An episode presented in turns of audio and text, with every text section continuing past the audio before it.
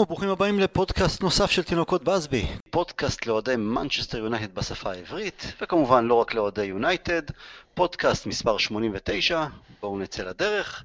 אני טל הרמן, הפעם איתי אביעד שרלג, אהלן אביעד, מה שלומך? בסדר גמור, מה העניינים איתך. מתאוששים, מתאוששים. אה, לפני כמה שבועות פנה אליי שד אדום נוסף בשם איגור צ'אוסקי וביקש להשתתף באחת מהתוכניות ואנחנו תמיד שמחים לשמוע עוד קולות, אז ברוך הבא איגור, מה שלומך? מצוין, תודה רבה על ההזמנה ואני שמח להיות פה וככה להשתתף בפודקאסטים. בשמחה, בשמחה. טוב, אז על מה אנחנו נשוחח הפעם? אז אה, נתחיל מהופעת הבכורה של ברונו פרננדז נגד וולפס, ניגע קצת בחלון ההעברות של ינואר, שבו עזבו אותנו שני שחקנים והגיעו שניים חדשים, אולי נדבר קצת על מערכת ה scouting תחת סולשאר לאחר אה, שני חלונות ולקראת הקיץ, וגם מיד לאחר הפגרה אנחנו ניצבים לקראת לוח משחקים מאוד מאוד מעניין וקשה, נשוחח גם עליו. Uh, ברונו, אנחנו מעדיפים ברונו או פרננדז? מה, מה עדיף לנו? אני זורם על ברונו. הוא אמר ברונו. ברונו אמר שהוא מעדיף ברונו. אז שיהיה ברונו. איך אתם מסכמים את, את הופעת הבכורה שלו? מבסוטים? ממה יותר? ממה פחות? איגור, בוא תתחיל אתה. טוב, אני חושב שהייתה לו, לא אישית הייתה הופעה מאוד טובה. אה, שוב פעם, בתנאים שבהם הוא שיחק, כי בהתחלה הוא התחיל כקשר התקפי והוא דווקא שיחק לא רע בכלל, ניהל את המשחק, זיסט את הכדור, אבל ברגע שקלטו שפררה שם עושה צרות בקישור האחורי, אז פשוט החליפו בין ברונו לבינו, ומאותו רגע קצת היה יותר קשה לראות אותו יוצר התקפות. אבל עדיין, אני חושב שהייתה לו הופעה ממש ממש טובה, אישית. הקבוצה מסביב, הרבה פחות. כלומר, הוא עדיין לא הצליח להשפיע על הקבוצה כמו שאנחנו מקווים שישפיע. תשמע, משחק ראשון. כן, כן, בוודאי, בוודאי. אביעד, איך אתה עם ההופעה הראשונה של ברונו? ברמת הכדורגל הוא שחק אה, בינוני מינוס, לא משהו, אבל שוב, בנסיבות שמסביב זה סביר מאוד. כלומר, הוא כן בא לכדור, כן ניסה לבעוט, אבל היה פשוט מאוד מאוד לא מדויק. כלומר, כל מיני מסירות כאלה שצריכות לעבור, לא עברו, והוא גם באמת נעלם בהמשך, גם מהצבא אחורה, וגם כנראה קצת נגמר האוויר באיזשהו שלב של אה, דקה 80-70 בסגנון הזה. זה גם, זה קצב אחר לחלוטין. לא באמת זה... ציפיתי למשהו מרשים בהופעת הבכורה שלו אחרי יומיים עם הקבוצה. היה איזה משהו שהפתיע אותך מבחינת משהו שאולי לא ידענו עליו? לא, שום דבר לא הפתיע אותי. מה שאהבתי לראות זה כי הדיוק הוא דבר אחר, אבל המוכנות לבעוט מכל טווח ומכל מצב. כי אנחנו, כן. אנחנו צריכים את זה. הוא בעט, אם אני לא טועה... חמש פעמים. חמש פעמים למסגרת, כן. כולל בעיטה חופשית. נדמה לי חמש פעמים, חמש פעמים נקודה למסגרת, שלוש או ארבע מתוכם. אהבתי... זה יפה מאוד. אני אהבתי שני... אה, גם לראות את העובדה שהוא לא מפחד לכסח, לא מפחד להיכנס לתיקולים, וגם בתנועות הידיים שככה ניסה להניע את השחקנים. אה, היה גם איזה קטע מפורסם בטוויטר, שיראו איך הוא מנסה, הוא אומר ללינגארד, תיכנס לאמצע, הוא הלך למקום אחר, אבל בסדר, בסדר גמור. אה, אז פרננדז הגיע, ועזבו אותנו שניים, אשלי יאנג לאינטר, מה יש לקונטה עם שחקנים של יונייטד, אין לי מושג. אמ, אני אישית שמחתי בשביל יאנג. אמ, לא, לא, לא הייתי מתנגד לו היה מסיים איתנו את העונה, אני חושב שעדיין יכול, היינו יכולים להיעזר בו במידת הצורך פה ושם. מעבר לזה שהוא גם היה דמות חיובית בחדר הלבשה, אבל אינטר הציע לו חוזה גם לעונה הבאה, וזו הזדמנות פז עבורו בגיל מתקדם לעבור לשחק בתרבות כדורגל אחרת לגמרי, אז סבבה. ובאמת אהבתי את העובדה שלא שמנו עליו אזיקים על הידיים, זה נחמד שאנחנו יודעים גם לבוא לקראת אה, שחקנים ששירתו אותנו נאמנה. איגור, איך אתה עם העזיבה של יאנג? איך אתה עם יאנג בכלל? סיכום תשע, תשע שנים כמעט? אה, אני חושב שאם אני מסתכל על כל התקופה שלו ביונייטד, אז הוא היה בינוני מינוס מינוס. היה לו בשנה האחרונה, אה, אם אני מסתכל ככה, כשהוא הפך להיות מה שנקרא מגן שמאלי או מגן ימני, או כל מיני המצאות כאלה שהתחילו לעשות איתו, אז הוא פשוט הפך להיות, אה, כאילו, היו לו משחקים טובים, אבל המון משחקים, בעיקר שנה שעברה, הוא היה פשוט מחריד. הוא היה חור בהגנה, הרבה גולים הגיעו דרכו, זה היה נורא ואיום, ואני, את האמת, שמח שהוא הלך, נקודה. כי לדעתי הוא היה צריך ללכת כבר בקיץ, אני לא מבין למה השאירו אותו. שוב פעם, בגלל שהסגל היה קצר, נעזרו בו, אבל, והוא היה יחסית לא רע גם, באופן מפתיע, אבל בוא נגיד, אם, אני לא הייתי מופתע אם הוא היה הולך בקיץ, למרות שהוא דמות בחדר הלבשה, ולמרות שהוא המון שנים במועדון, הוא חיובי והכול, מבחינת כדורגל, אחרי השנה שעברה, אני הייתי בטוח שצריכים לשחרר אותו ודחוף. אבל... אה, אביעד, אתה יותר סלחן מאשר איגור? אני סלחן לגבי יאנג כאישיות וכאדם. אין בליבי על יאנג שיהיה בהצלחה, באמת. ששמעתי שהוא בישל למשל בהופעת בכורה, ממש שמחתי ואני אשמח שהוא יעשה חייל באינטר. כדורגל כבר לא נתן לנו כלום. באמת כלום. כלומר, הוא לא מגן כל כך טוב, כתוקף, וזה קטע מאוד מאכזב. זה אכזב אותי גם עם ולנסיה לקראת הסוף. אבל כשאתה לוקח ווינגר ואתה מסיט אותו למגן, אתה מצפה שלפחות הצד של ההתקפה יהיה כאילו הצד החזק. לא כל כך. הוא, הוא, הוא לא יצטרך לעבור מגן, אני לא מדבר דריבל, ברמה. הרמה שלו לא עברה את המגן הראשון. זה בעיה. לגבי, אני חושב שיאנג זה השחקן הראשון שהיה דווקא יותר טוב, שחקן של פרגי הראשון, שהוא בא לידי ביטוי והיה יותר טוב דווקא אצל המנג'ר שבאו אחרי פרגי. אה, ונחל היה הראשון, לא, האמת שאצל פרגי הוא גם כן שיחק מגן פה ושם, נכון? או שזה כבר היה...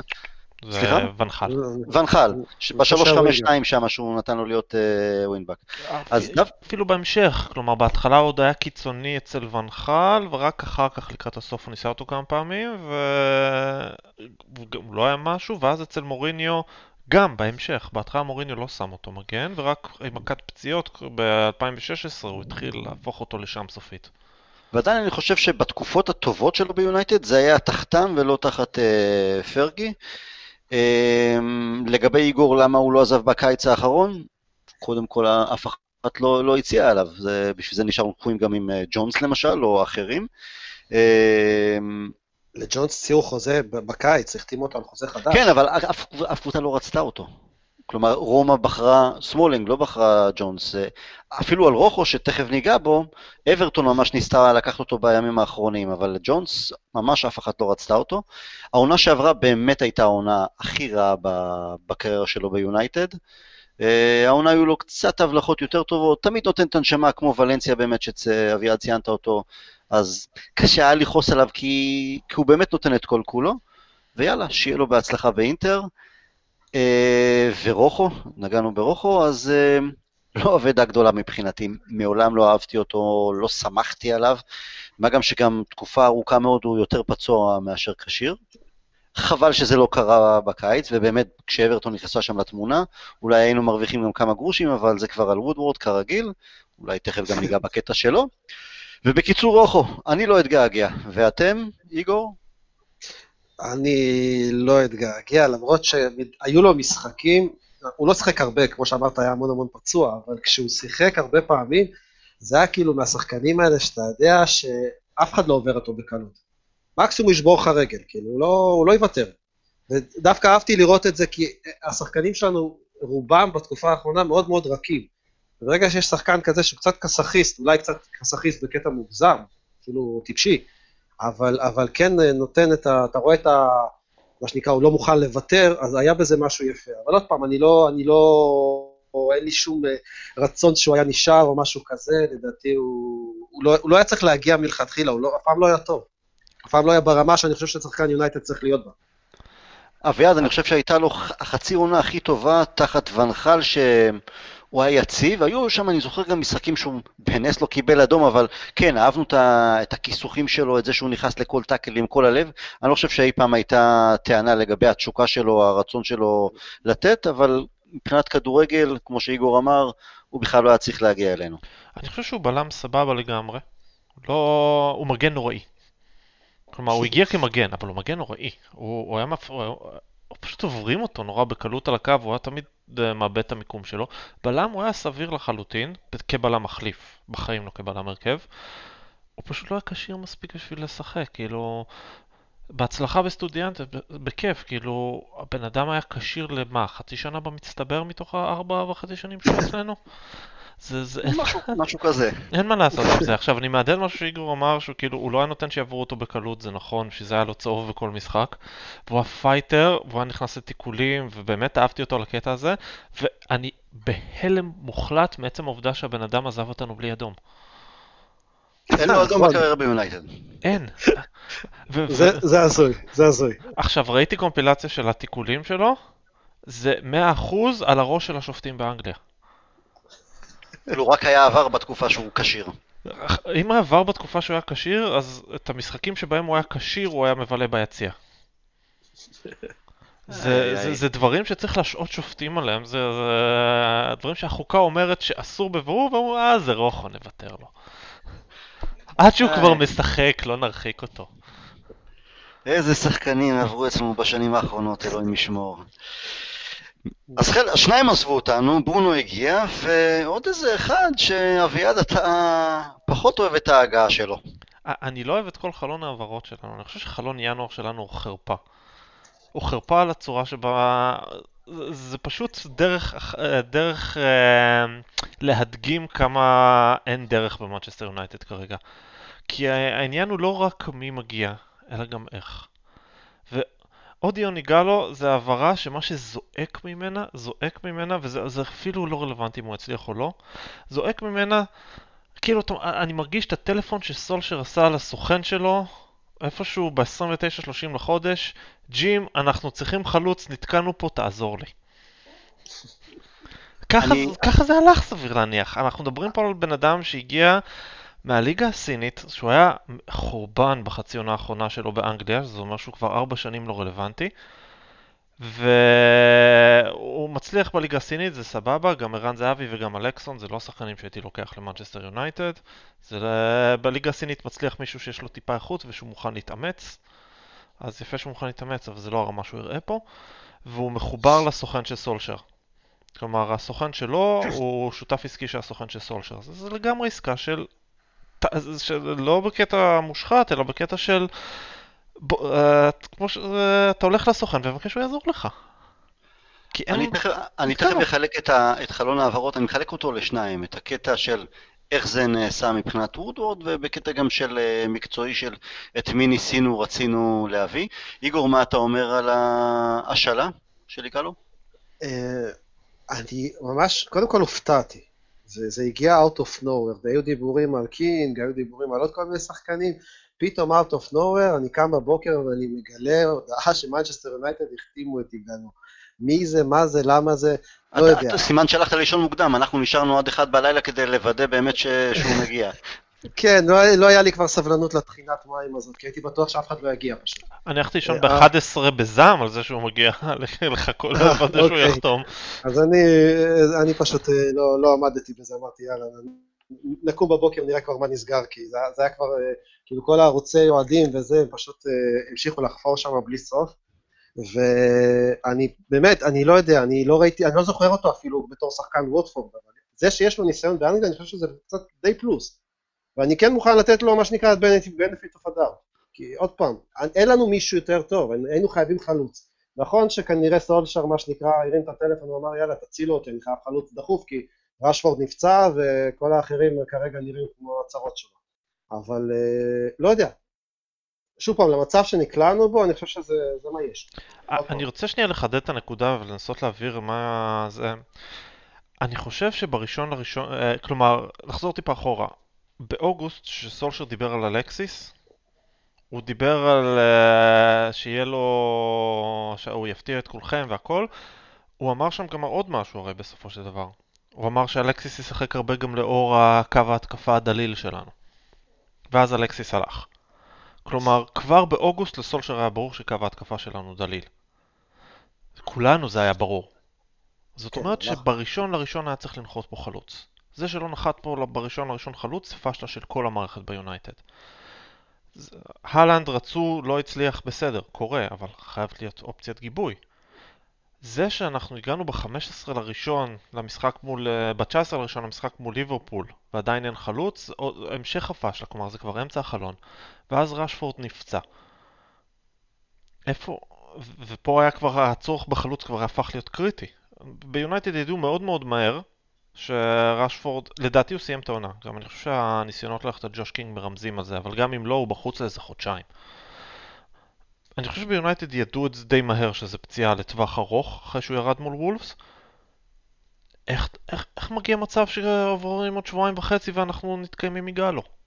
אז כן, בסופו של דבר, הפלוס היחידי של גלו זה שיחסית למצב שהיה ב-31 לראשון ב-4 אחר הצהריים, אז המצב בחוד שלנו עכשיו יותר טוב. איך הגענו למצב שב-31 לראשון ב-4 אחר הצהריים אין חלוץ? איך זה קורה? אני, אני אנסה לענות על זה. Um, התשובה הקצרה זה וודוורד, אני חושב שאפשר אה, ללמוד על זה מהעסקה של ברונו, כי אני מבין את הקטע שהוא לא רוצה לצאת שוב פעם פראייר ולשלם מחיר מופקע על שחקנים, כי אצל וודוורד כמעט אין באמצע, כאילו לאורך כל השש-שבע שנים שלו. זה או שהוא קונה במחירים מופקעים ומוכר שחקנים במחירים זולים מדי, כמעט ולא היו עסקאות שאמרנו עליהן, וואלה, אחלה, גם מבחינת uh, התזמון של לא משא ומתן ארוך מדי, מחיר טוב, זה כמעט ולא קרה. אולי בקיץ עכשיו עם אה, דניאל ג'יימס. אה, וגם, זה לא חוכמה גדולה, כי הבאנו אותו מסוונסי, ולא שנאבקנו עם עוד כמה קבוצות. אבל אני נדמה לי ששילמנו פי שתיים יותר ממה שלידס הייתה מוכנה לשלם כמה חודשים לפני זה. כן, אבל ברגע שכבר לידס רצו אותו, ויכול להיות שהוא היה גם בקיץ רצו אותו, 15 מיליון פאונד זה בסדר מבחינתי, זה מחיר כאילו כן. סביר לגמרי. כן, אני, ש... אני פשוט אומר שבמונחי וודוורד, אז אה, אני לא מדבר במונחים כלליים, 15 מיליון לשחקן שהוא בורדרליין רוטציה, מה שדניאל ג'יימס היה אמור להגיע, זה מחיר סבבה. אבל במחירים של מה שהוא היה אמור לעלות, בהתחשב בעובדה שחצי שנה אחרי שלידס רצו אותו, והמחיר שלו רק היה אמור ללכת ולרדת בגלל החוזה, שילמנו 15, במונחי וודוורד זה not business, uh, not good business. as usual. בכל אופן, אני אנסה איכשהו להסתכל על זה מנקודת מבט מסוימת. אני כן חושב שלסולשר יש תוכנית ארוכת טווח, אה, ואת החלק הראשון שלה באמת ראינו עם העזיבה של, בעצם מינואר שעבר, של תשעה שחקנים. זה אומנם חלק בהשאלה גם, אבל סביר להניח שהם לא יחזרו לשחק ביונייטד, למרות שסולשר קשקש על אה, אלקסיס לפני אה, שבוע או עשרה ימים. אז תשע שחקנים שעזבו, תשע שחקנים שעזבו זה לא מעט, הגיעו כמה במקומם. אה, שחקנים שמקצועית אולי מתאימים יותר לתפיסת העולם של סולשאר, אה, גם הרצון שלו לבנות אה, חדר הלבשה עם אופי ומנטליות אחרת של שחקנים.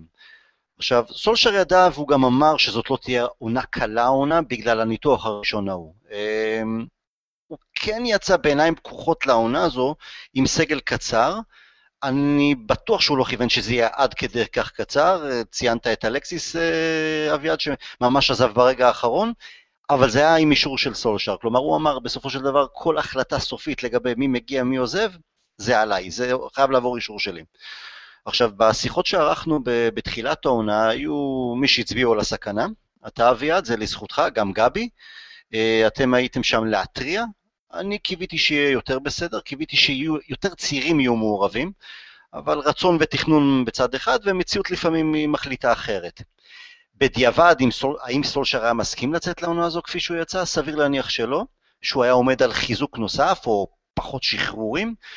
הוא לקח פה חתיכת סיכון גדול, וזה גם טעות מסוימת, אבל זה בסדר גם לטעות, כי זה חלק מתהליך למידה אה, שלו, אולי של המערכת, שלו בעיקר, כי המערכת, אנחנו יודעים שזה בעיה עם וודוורד.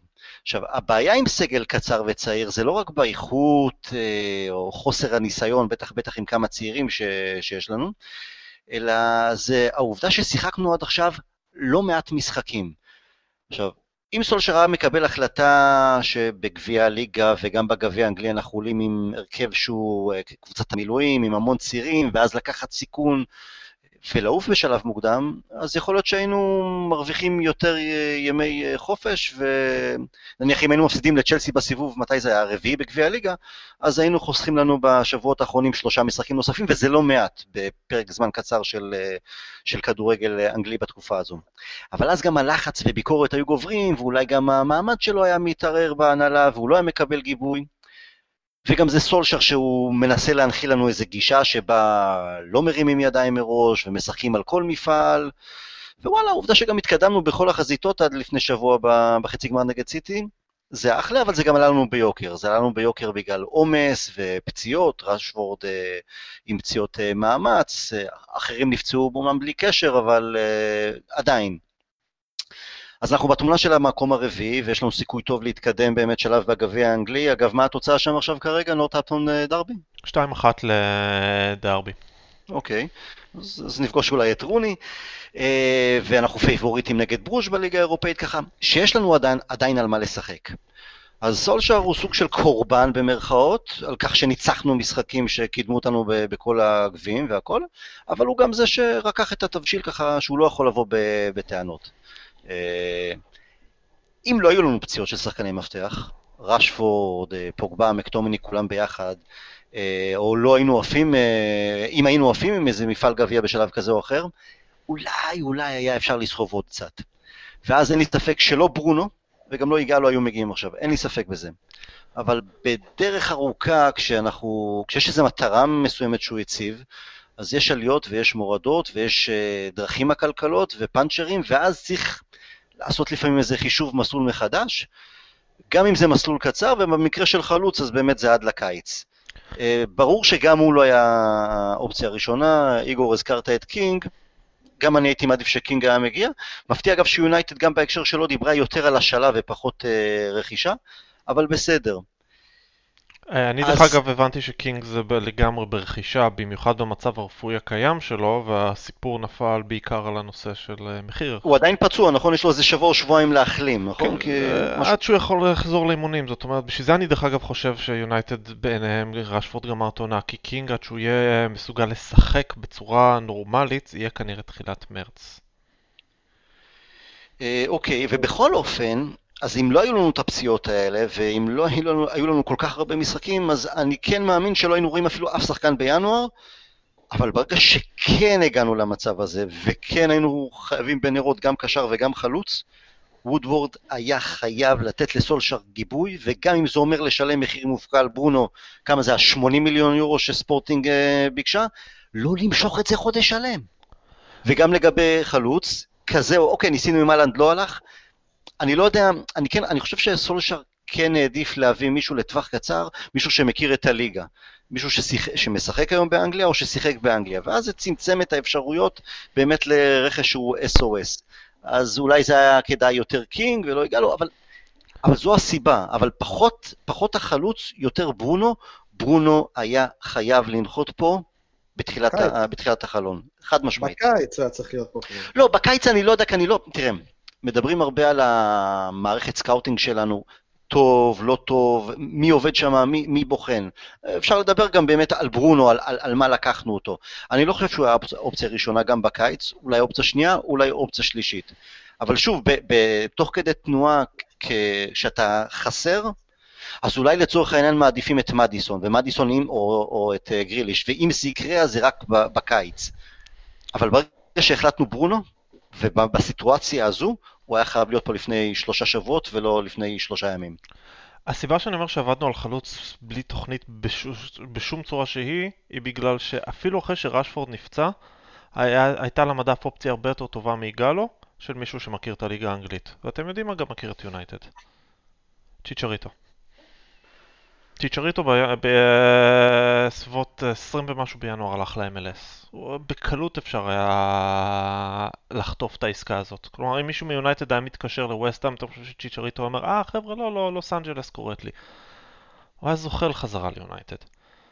לא חשבתי על צ'יצ'ריטו, מעניין למה לא ניסו, לך תדע. אני חושב שלא חשבו ולא התעסקו עם העניין הזה. עכשיו, אני, אני אגיד לך את העניין. וודוורד הוא בוודאי שהשם המרכזי במצב של מנצ'סטר יונייטד, אני פשוט לא יכול לנקות את סולשר מאשמה. אני לא יכול לבוא ולהגיד, המנג'ר משחרר שחקנים, אבל כן משחררים לו לפעמים מעל הראש, וכן אה, מתערבים לו לפעמים בנושא של השחרורים, אבל לא, לא, לא, אני, אני לא חושב בנושא של... שמתערבים לו בקטע של השחרורים. אבל- ה- אבל- מבחינתי, מבחינתי ברגע שזה, אם ככה זה באמת, שסולשר אומר, המילה האחרונה שלי, אם הוא היה אומר אלכסיס נשאר, אלכסיס חייב להישאר. אם הוא נתן לזה אישור, זה עליו, אין ספק. הכוונה שלי שבמה, זאת אומרת שאם יש דברים מעל, ואז בסוף הוא מאשר כן, אבל כלומר אם וודוורד מתערב הוא מתערב, זאת אומרת שהוא מתערב גם במי שנכנס ומתי שהוא נכנס וזה, כלומר לא בהכרח בכל עסקה ולא בהכרח שכל עסקה עוברת וטינג של וודוורד בצד המקצועי, אבל ברגע שוודוורד מתחיל להיכנס לנושאים האלה בכלל, אז אז הזין. הוא הזין עד הסוף, וזאת אומרת שהוא מתערב גם בצד המקצועי לטובה ולרעה, כלומר גם ברכישות, גם ביציאות.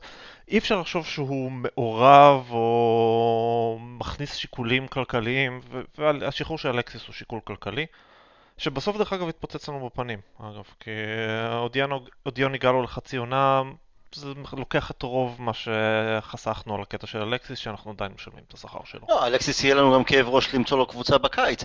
אני כן חושב אבל שברונו למשל, בטח שיש הקשר כלכלי, כלומר, אם כל צ'רמן נורמלי, רואה שהשחקנים נופלים כמו, כמו עלים נידפים ברוח עם פציעות, ויש לחץ של משחקים, ואנחנו עדיין בתמונה של כמה מפעלים, בוא תעזור למנג'ר שלך. תביא לו, תשלם עוד 20 מיליון, אין מה לעשות, בסדר, אבל תביא לו את השחקן שהוא צריך לחודש... אמרתי לך שאני לא מתרשם מהסיפור הזה של אנחנו לא רוצים לצאת פראיירים, ושזה הולך ל... ושאנחנו נצא פראיירים כמו גדולים בסופו של דבר. אגב, אני לא חושב שהיה זה. לא היה שם עניין של 80 אה, מיליון, הם לא דרשו 80 מיליון. אני בכלל שמעתי שמה שקרה שם, שהעסקה כמעט הייתה סגורה, ובאיזשהו שלב הם, הם ראו, שמו לב שספורטינג היו צריכים דחוף כסף, כי הם באיזושהי עסקה אחרת היה להם איזשהו סיפור, ויונייטד אמרה, אוקיי, אז אנחנו יכולים להיכנס בהם קצת ולנסות להוריד את המחיר מעבר למה שכבר הצענו להם. ואז הדבר הזה נתקע, והיו דיבורים על זה שהוא בכלל לא יגיע, וזה ירד מהשולחן, ובסוף ברגע האחרון הוא התקפל כמו ילד מסכן, וסגר את זה על מה שהוא סגר את זה. ומתי אבל... התקפל אגב? בערך... ברגע האחרון כמעט. כמה שעות בערך אחרי שמנדז', אה, שהוא באמת אה, סוכן מצוין, הצליח לזייף אה, אינטרסט בברצלונה. כן. אני, אני שמעתי דווקא, שמעתי, קראתי יותר נכון, שספורטינג בשלב מסוים גם רצתה שחקן יחד עם הכסף, והיה דיבורים על רוחו, וזה נפל על uh, תנאים בינו לבין הקבוצה. נורא רציתי דרך אגב שרוחו ילך כחלק מהעסקה הזאת. כי זה יכול להיות נורא אירוני ופואטי נקרא לזה ככה. להחזיר להם, לא, לא, אוקיי, להחזיר להם זה שוב. כן. לא, עזוב להחזיר להם, אנחנו קיבלנו את רוחו מספורטינג בעסקה שכללה שחקן. את נני.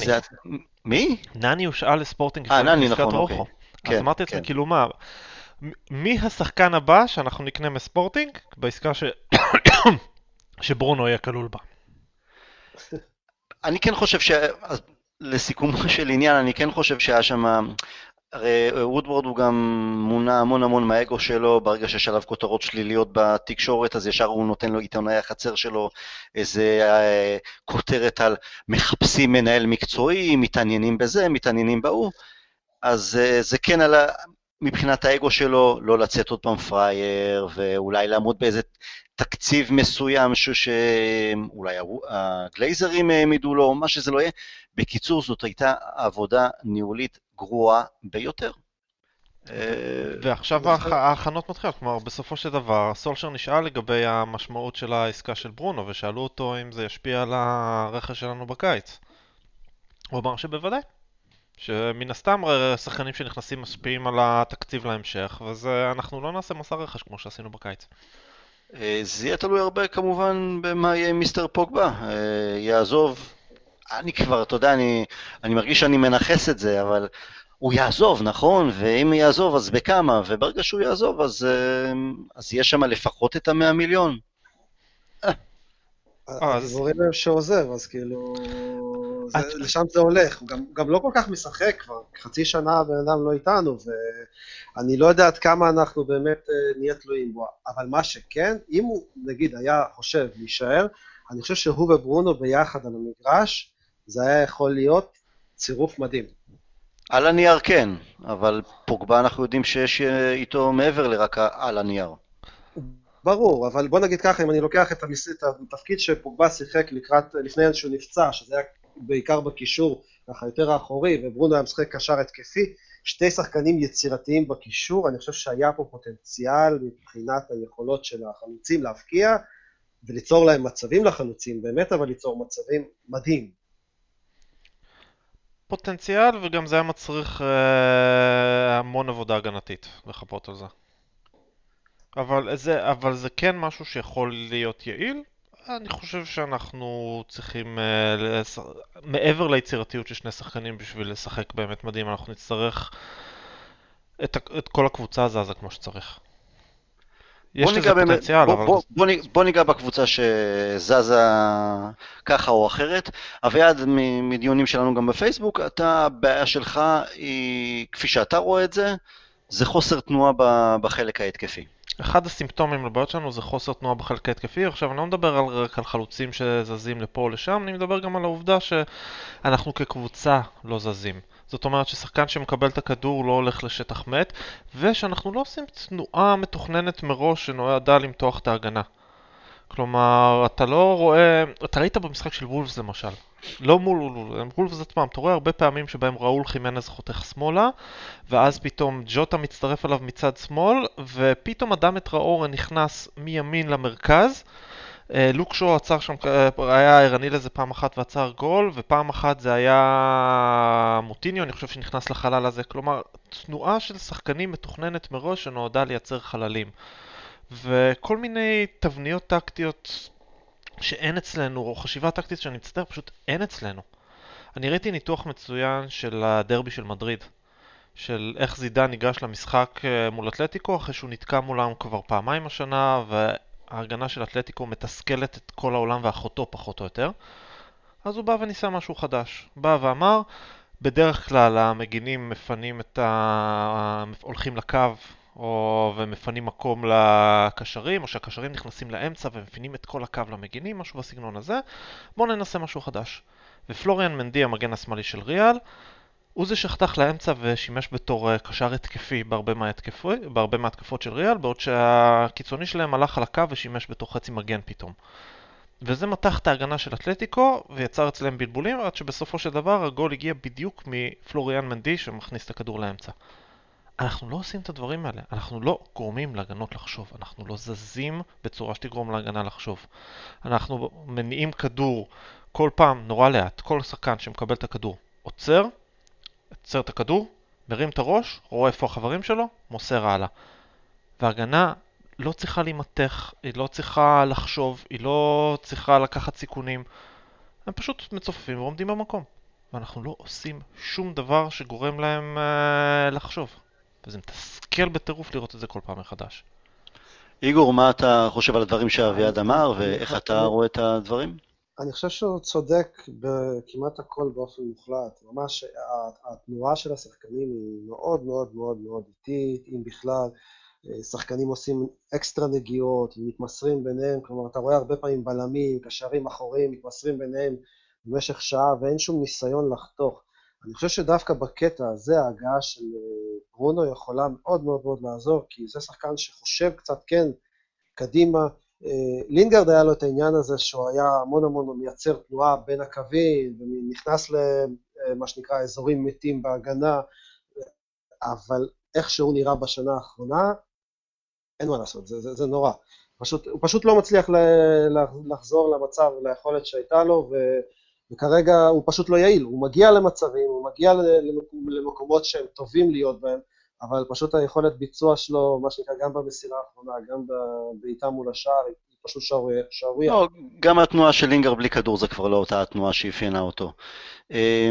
אני חושב שהדברים די נופלים על, על חוסר איזון, כמו בהרבה דברים ש, שכרגע מאפיינים את יונייטד. יש את השחקנים שעושים את התנועה בלי כדור, רשפורד, גם מרסיאל, אולי לא נגד וולפס יותר מדי, אבל, אבל בדרך כלל הוא עושה את התנועה. ג'יימס עושה חותך לאמצע. יש את וויליאמס, ותכף אני אגע בינו לבין שואו. ויש את הקשרים שבאמת, שכל נגיעה הופכת לארבע נגיעות, ורק כשהם מקבלים את הכדור אז הם מרימים את הראש, ועד שהם מרימים את הראש ועד שהם מסתכלים, אז התנועה של שחקן הוא כבר, או שהוא באופסייד ואי אפשר למסור לו, או שהוא כבר איבד את המומנטום ונעצר, אז כבר הוא לא חוזר מיד לבוא לקבל עוד פעם כדור. Uh, האמת היא, גבי ביקש ממני, הוא היה אמור להשתתף בתוכנית, אבל הוא קצת לא מרגיש טוב, אז הוא ביקש ממני, תן, תן איזה מילה טובה על מטיץ', אז מטיץ' שנכנסנו בו על ימין ועל שמאל בחודש וחצי האחרונים, באמת משחק נהדר, אז גם מטיץ' באנו אליו בטענות שכל נגיעה שלו הופכת לעוד ארבע וחמש נגיעות uh, מיותרות בכדור. אבל דווקא במשחק נגד וולס זה מאוד בלט לי לעין הבדל בין איכות שחקנים, שכל של שחקנים וחוסר האיזון. כי אם ניקח את שואו למשל בצד שמאל, כמה וכמה פעמים שהוא קיבל כדור 30-40 מטר מהשער, אז היו לו ארבע אופציות מסירה. ארבע או חמש. הוא יכל להחזיר אחורה למגווייר שהיה יותר קרוב עליו, הוא יכל למסור לרוחב, אם זה לברונו או לפרד, הוא יכל למסור אלכסונית כדור מהיר אה, לכיוון מרסיאל שעשה תנועה לעברו, והוא יכל להמשיך על הקו מסירה לדניאל, לדניאל ג'יימס. במקום זה, הוא כל פעם לוקח את הכדור, רץ איתו עוד 10, 15, 20 מטר, מתקרב ממש ממש לדניאל ג'יימס, ומתקרב ממש ממש למרסיאל, ואז יש לו רק שתי אופציות מסירה במקום אה, ארבע. לא, ורק אז הוא מוסר או לג'יימס ככה על הקו, שכבר סוגרים עוד, שכבר מגן סוגר אותו, ויש שטח קטן של שחקנים, אז או שג'יימס מאבד כדור, או שהוא מנסה לעבור, כבר אין לזה אפקט, או שג'יימס מחזיר לשואו, אבל הכל איטי, הכל מסורבל, הכל צפוף, כבר עושים עלינו לחץ, לעומת זאתי, ראינו את וויליאמס, בן 19, בלי יותר מדי ניסיון, אבל עם הרבה יותר ראיית משחק, קורא את המשחק נכון, מבין את המשחק נכון, נע הרבה בלי כדור ומשחרר כדור מהר.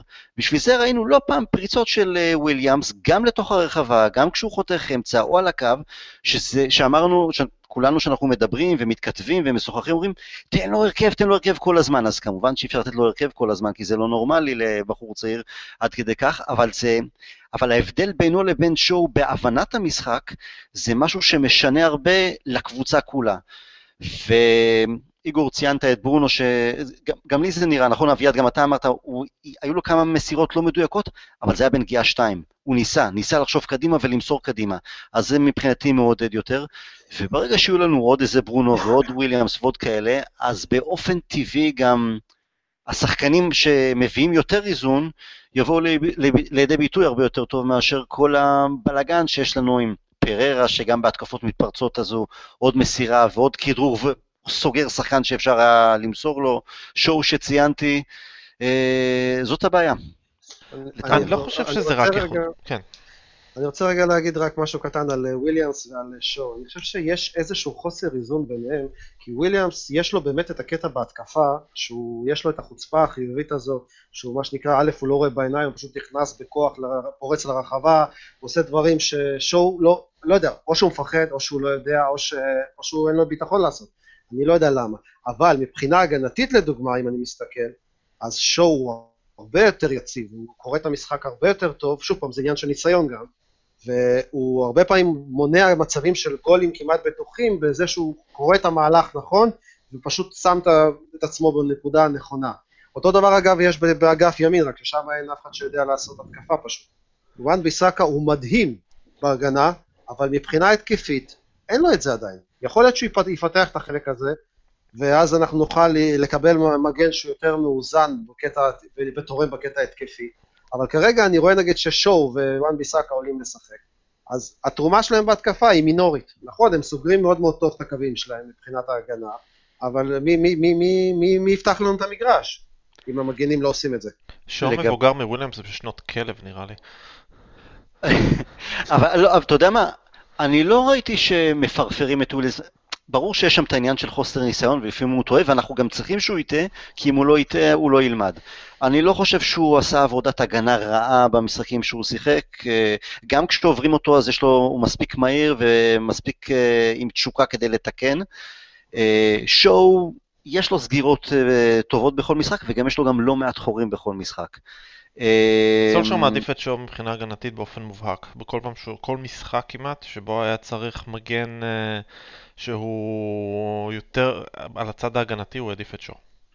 מבחינת הניסיון. מה שאני כן אוהב, משהו שלא היה קיים אצלנו, לא אצל מוריניו ולא אצל ונחל, זה שלמגנים שלנו, וזה כבר עניין של גישה ותפיסת עולם, למגנים יש את הרישיון לעלות כמה שהם רוצים, אין שם הגבלה, אין שם כאילו אם הקיצוני עולה ועוד איזה קשר, אז המגן צריך להישאר. אז אנחנו רואים את שאו שעולה הרבה למעלה, אבל טועה בש... בתזמון של שחרור הכדור, וויליאמס עולה המון למעלה, גם וואן ביסאקה עולה המון למעלה. אמ, וואן ביסאקה התקפית, תכלס הוא, הוא מנפק פה ושם כדורים טובים בכל משחק, אבל אנחנו רואים שיש לו את התנועה הגמלונית קצת, אה, שהוא מנסה לעבור שחקנים. האמת היא שזה כל פעם מצחיק אותי ומזכיר לי את אה, סיפור של פיל נביל, שהיה איזה משחק אחד שפיל נביל דהר על הקו ועשה ככה, העביר את הכדור בין הרגליים, סטייל רונלדו כזה, וכל הקהל ככה השתגע, עולה, כל הכבוד וזה, כמה דקות אחרי זה הוא עוד פעם מקבל כדור, מתחיל לרוץ על הקו, עושה בין הרגליים, ואז קין אמר לו, חביבי, עוד פעם אחת אתה עושה את זה, אני שובר לך את הרגליים. עד כדי כך. אבל... אה, אני אגיד לך מה. אז אתה, אומר שזה לא רק איכות. זה, בדיוק מה איכות תעזור לשפר את הדיוק בנגיעה ראשונה, איכות תעזור לשפר את המסירה ראשונה לאן, שהיא תתבצע בצורה חכמה יותר, אבל זה שאנחנו לא מוסרים בנגיעה זה לא איכות, זה בגלל שהשחקנים פשוט לא כל כך יודעים איפה אחד איפה השני נמצא. וזה שאנחנו לא מנסים לעשות את הדברים האלה, התנועות האלה, המבנים ההתקפים האלה הם כאלה שאמורים לחפות על איכות. זה לא יושב רק על כשיהיה לנו איכות, אז אנחנו נבצע את הדברים האלה. לא, זה צריך להיות כשיהיה לנו איכות, אז אנחנו נוכל לבצע את הדברים האלה בצורה יותר טובה. זה שאנחנו לא עושים את התנועה הזאת, זה שאנחנו לא זזים כקבוצה על המגרש למעשה, זה לא עניין של איכות.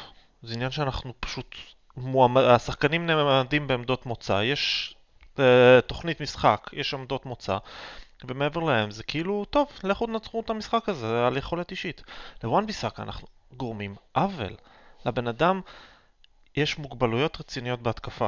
הוא בחור בן 20-21, הוא ילמד, הוא יתפתח, אבל אנחנו לא יכולים לשים אותו לבד על הקו ולצפות שהוא יעבור שני מגינים וינפק מזה משהו. ואנחנו עושים את זה באופן קונסיסטנטי עם קיצוני שניצב על הקו ונכנס לאמצע בתור עמדת מוצא. כשאתה שם את חואן מטה בתור קיצוני ימני, אתה יודע שחואן מטה לא יהיה על הקו. אתה גם אומר לו לא להיות על הקו בתכלס. וואן ביסאקה נשאר אז על הקו לבד מול שני שחקנים, ווואלה, נגמר, זהו, אין לו כמעט מה לעשות. הוא פעם במשחק הצליח לנבק הגבהה טובה מהסיפור הזה, מול ווב זה כמעט ניצח לנו את המשחק, סבבה. אז עושים לילד עוול.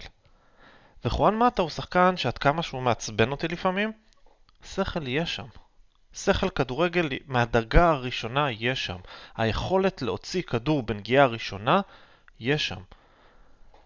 אבל אין לו מושג איפה שאר השחקנים נמצאים. כי הוא יודע שיש את הקיצונים מהצד השני שגם הוא צריך להיכנס לאמצע, הוא לא יודע בדיוק איפה הם יהיו, הוא לא יודע את התבנית, אז הוא גם צריך להרים את הראש, במקרה של מטה, להרים את הראש, לעצור את הכדור, להסתובב על המקום, להסתובב על המקום עוד פעם, ואז לשחרר מסירה הצידה. כן, כי כבר סגרו אותו. אני לא זוכר את הפעם האחרונה שראיתי את חואן מטה משחרר כדור בלי הסיבוב הזה, על המקום, מודה ומתוודה. אבל אנחנו חייבים כקבוצה לעשות את הדברים האלה, ואי אפשר להשיב את זה רק על כשיהיה לנו איכות אז אנחנו נהיה יותר טובים. כי זה נכון, כשיהיה לנו איכות אנחנו נהיה יותר טובים, אבל צריך להיות פה גם ערך מוסף מעבר לזה. לא רק ככה 11 הכי איכותיים או 11 איכותיים ואז יהיה יותר טוב. צריך משהו שמשפר אותם, ואין לנו את זה. אנחנו אף שחקן בקבוצה, באמת שאני לא מסוגל לחשוב אפילו על אחד שהקבוצה גורמת לו לראות יותר איכותי ממה שהוא. אולי בימים הטובים שלו דחיה. אני לא מסכים לנקודה הזו, כי אם אני אחזור לכמה משחק, משחקים אחורה, אה, משחק, אני לא זוכר נגד מי זה היה, אבל שוואן פרסי היה באולפן יחד עם ריו פרדיננד, והם דיברו על תנועת עומק 15 פעמים גם של מרסיאל, 15 פעמים גם של רשוורד, הם ממש ספרו שעשו תנועות עומק בין המגנים, בין הבלמים, ורק שיוועו שאיזה פרד או פררה יחלקו להם איזה כדור עומק אחד, וזה לא קרה. זה עניין של איזון, ברור ש, שאיכות זה לא רק מי שמוסר, אלא גם מי שעושה את התנועה, אבל גם שם יש לנו את החוסר איזון, כי רשפורד עושה המון תנועה. ד, דניאל ג'יימס עושה גם המון תנועה, אבל יש שם גם בוסר מסוים, גם הוא רק בן 21. אז כשהוא נמצא שם על הקו עם וואן ביסאקה, זה שני שחקנים בני 21 שעדיין לא בטוחים, לפעמים כושר יותר טוב, פחות טוב, יותר ביטחון, פחות ביטחון, הם עדיין לא יודעים לשחק ביחד, גם לא גרינמוד, אה, ביחד עם וואן ביסאקה, ש... שאי אפשר להגיד שלגרינמוד לא שחקן חכם, או לא משחק בנגיעה, ועדיין זה משהו שנבנה לאט לאט. יש לנו את השחקנים שעושים את התנועה, אולי לא מספיק, אבל לדעתי זה בעיקר, בעיקר נופל, כמו כל השנים האחרונות, ועוד אפילו בשנים האחרונות של פרגי, אולי להוציא את סקולס וקארה כמובן, אבל בעיקר מי שאמור להוציא לפועל את המסירות, אם זה ארוכות כמו שצריך לעומק, אם זה קצרות, לצדדים, לאמצע, מה שזה לא יהיה, במרכז המגרש. וגם פוגבה שאמור היה להיות הפתרון, אז גם הוא, אנחנו יודעים שהוא שחקן שמתמהמה לא פעם עם הכדור, ואז שהיה לנו את מאטיץ' שזה לא היה מספיק טוב, ועכשיו פרד ופררה זה לא מספיק טוב. אז השחקנים שכן עושים תנועה בלי כדור, ועושים תנועה בלי כדור, הם פשוט סובלים מחוסר איכות אה, מאחורה. אתה מבין דרך אגב שזו דוגמה למה שאני מדבר עליה. כלומר, אם מרסיאל וראשפורד עושים תנועה 10-15 פעמים במשחק ולא מקבלים את הכדור, זה... זה לא קשור לחוסר האיכות של פרד או פררה. פררה אכן הוא נטול איכות בצורה מוחלטת אגב. הייתי חייב להגיד את זה בלי שום קשר לפואנטה. אבל uh, באופן עקרוני, אם הם עושים את התנועות האלה, אז day in and day out, במגרש האימונים, זה, הקשרים האלה אמורים לקבל את ההנחיה או להבין שמרסיאל... אין להם את האומץ, אביעד.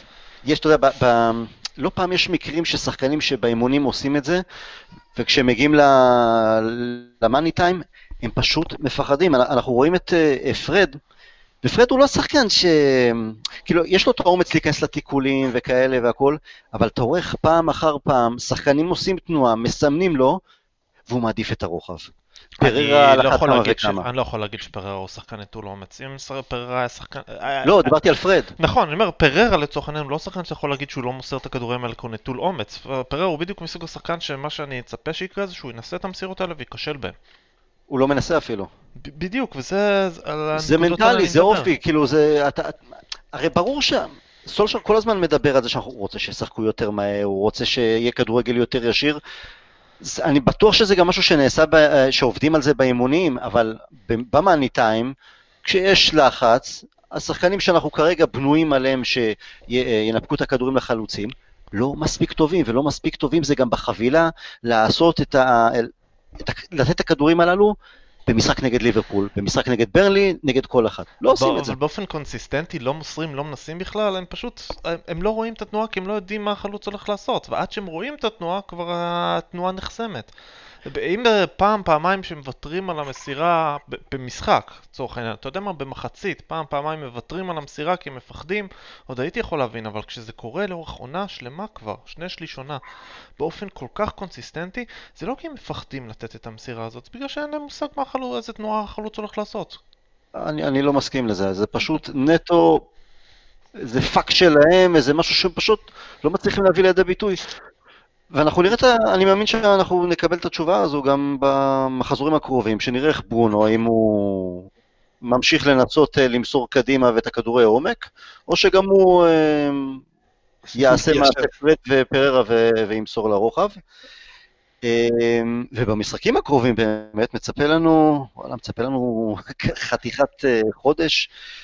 צ'לסי בחוץ, קלאב, קלאב ברוז' בחוץ, אברטון בחוץ, נורטהמפטון או דרבי בחוץ, סיטי בית, טוטנאם חוץ. אני מניח שלאחר הסדר המשחקים הזה, אנחנו נדע אם לשים את כל הביצים בצל של הליגה האירופאית, או שעדיין נוכל uh, לנסות לתמרן גם בליגה וגם באירופה. איגור, איך אתה עם הלוח משחקים הזה? הוא גורם לך להזיע בלילה? להזיע לא, אני, כי אני חושב שיש פה הרבה משחקים שדווקא היינו בהם די טובים השנה. כאילו, בעיקר נגד הקבוצות היותר חזקות. אני חושב שלהוציא את המשחק האחרון מול ליברפול, ואת הביזיון מול הסיטי בבית בחצי גמר, אנחנו באמת היינו די טובים מול הקבוצות הגדולות. כאילו, קודם כל השיטת משחק שלנו ממש טעמה את מה ש...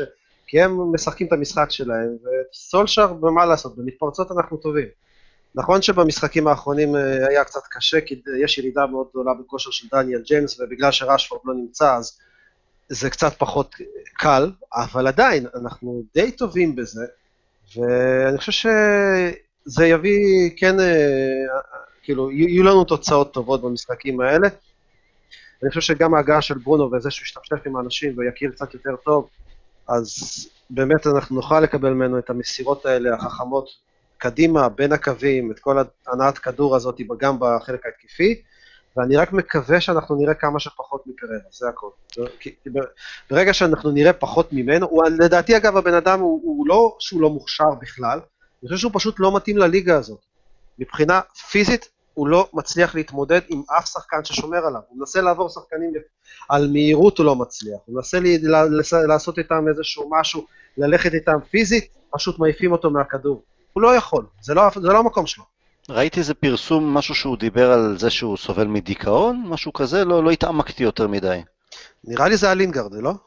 לא, לינגרד דיבר על, אה, על סבתא שלו או משהו כזה, אני אה, חושב שממש לפני כמה ימים קראתי משהו בהקשר של פררה, לא... לא ראיתי דבר כזה, האמת. ראיתי דיבורים בהקשר של פיל ג'ונס יותר. שהוא עם מוותר, על? שהוא מוותר על הטסטימוניאל שלו בגלל שהוא חושב אה, זה, שהיחידים כן. שירצו לבוא לשם זה, זה ההורים זה האמא שלו. והדודה ו- ואשתו, כן. אה, אביעד, איך אתה עם לוח המשחקים הקרוב שלנו? אני חושב שלא לא, לא מוטרד ממנו במיוחד, כי בסופו של דבר כרגע אנחנו הפכנו משחקים קשים לקלים בעבר, והפכנו משחקים קלים לקשים, אז בסופו של דבר אני לא יודע בכלל איזה קבוצה אנחנו נקבל בשביל להיות מוטרד מלוח המשחקים הזה. אני חושב שיש לנו המון מזל, המון המון מזל העונה. מדברים על חוסר מזל ועל נקודות שאיבדנו, אבל בתכלס, בשורה התחתונה, בעונה רגילה אנחנו היינו יושבים על מקום 9-10, אני חושב שיש לנו המון מזל שאנחנו אפילו בטווח ראייה מהטופ 4. אז אולי ה streak הזה יימשך, אולי נצליח לתפוס על גל. המשחק שהכי מעניין אותי בכל הסיפור הזה הוא קלאב ברוז', שהיא קבוצה מאוד מאוד התקפית, ומעניין אותי לראות אם הם ינסו לבוא ולתקוף אותנו, if they will be stupid enough to do it. ו...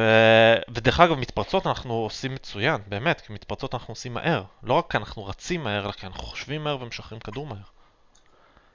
אני חושב שהמשחק הכי קריטי אולי הוא צ'לסי, כי אם אנחנו מפסידים שם חס וחלילה, זה תשע נקודות מה- מהמקום הרביעי, ואז אה, זה זה כבר פער לא קטן אה, לסגור אותו, למרות שיש מספיק זמן, אבל עדיין. ניצחון שם יכול באמת לתת אה, דחיפה לשאר המשחקים. אגב, תוצאת ביניים, אה, נורטהמפטון דרבי, עדיין 2-1? 3-1 כבר לדרבי. אז, אז כבר אפשר אה, 4-1, לסמן ביומן. סליחה, תגיד תודה לוויין רוני והפנדל שלו. איי איי וואזה וואזה. אתה, אתה יודע מה, אביעד? ואתה זוכר, היו לנו כל כך הרבה דיונים, רוני, כן, לא, כן, לא. בינואר, אם רוני פנוי, אתה מביא אותו? לא, עד סוף העונה? לא, כיוון שאפילו בדרבי הוא לא משחק כבר חלוץ. לא, קשר, נכון. אבל עדיין, מה, מה אכפת לך? לפחות יהיה לנו מישהו שיבעט בעיטות חופשיות. יותר גרוע מפררה הוא לא יהיה. בדיוק, בדיוק. אה, אנחנו צריכים לזכור בנקודה מסוימת לפני הלוח משחקים הזה, ולהיות הוגנים עם המציאות בהקשר הזה. אנחנו יותר קרובים למקום 14 ממה שאנחנו קרובים למקום רביעי. אה, אבל אנחנו, אני לא חושב שאנחנו, אני לא מסתכל על זה ככה. אה, וגם היו לנו משחקים, אגב, אביעד, שלא הבאנו שלוש נקודות, ויותר הגיע לנו שלוש נקודות. אז דברים תמיד נוטים להתאזן בהקשר הזה. אה, ניצחון על צ'לסי, הלוואי, ואנחנו שלוש נקודות ממקום רביעי. אני באמת לא מסתכל על, אה, על נמוך יותר. ידענו שאנחנו פחות או יותר נסיים ב, בשמונה הראשונות.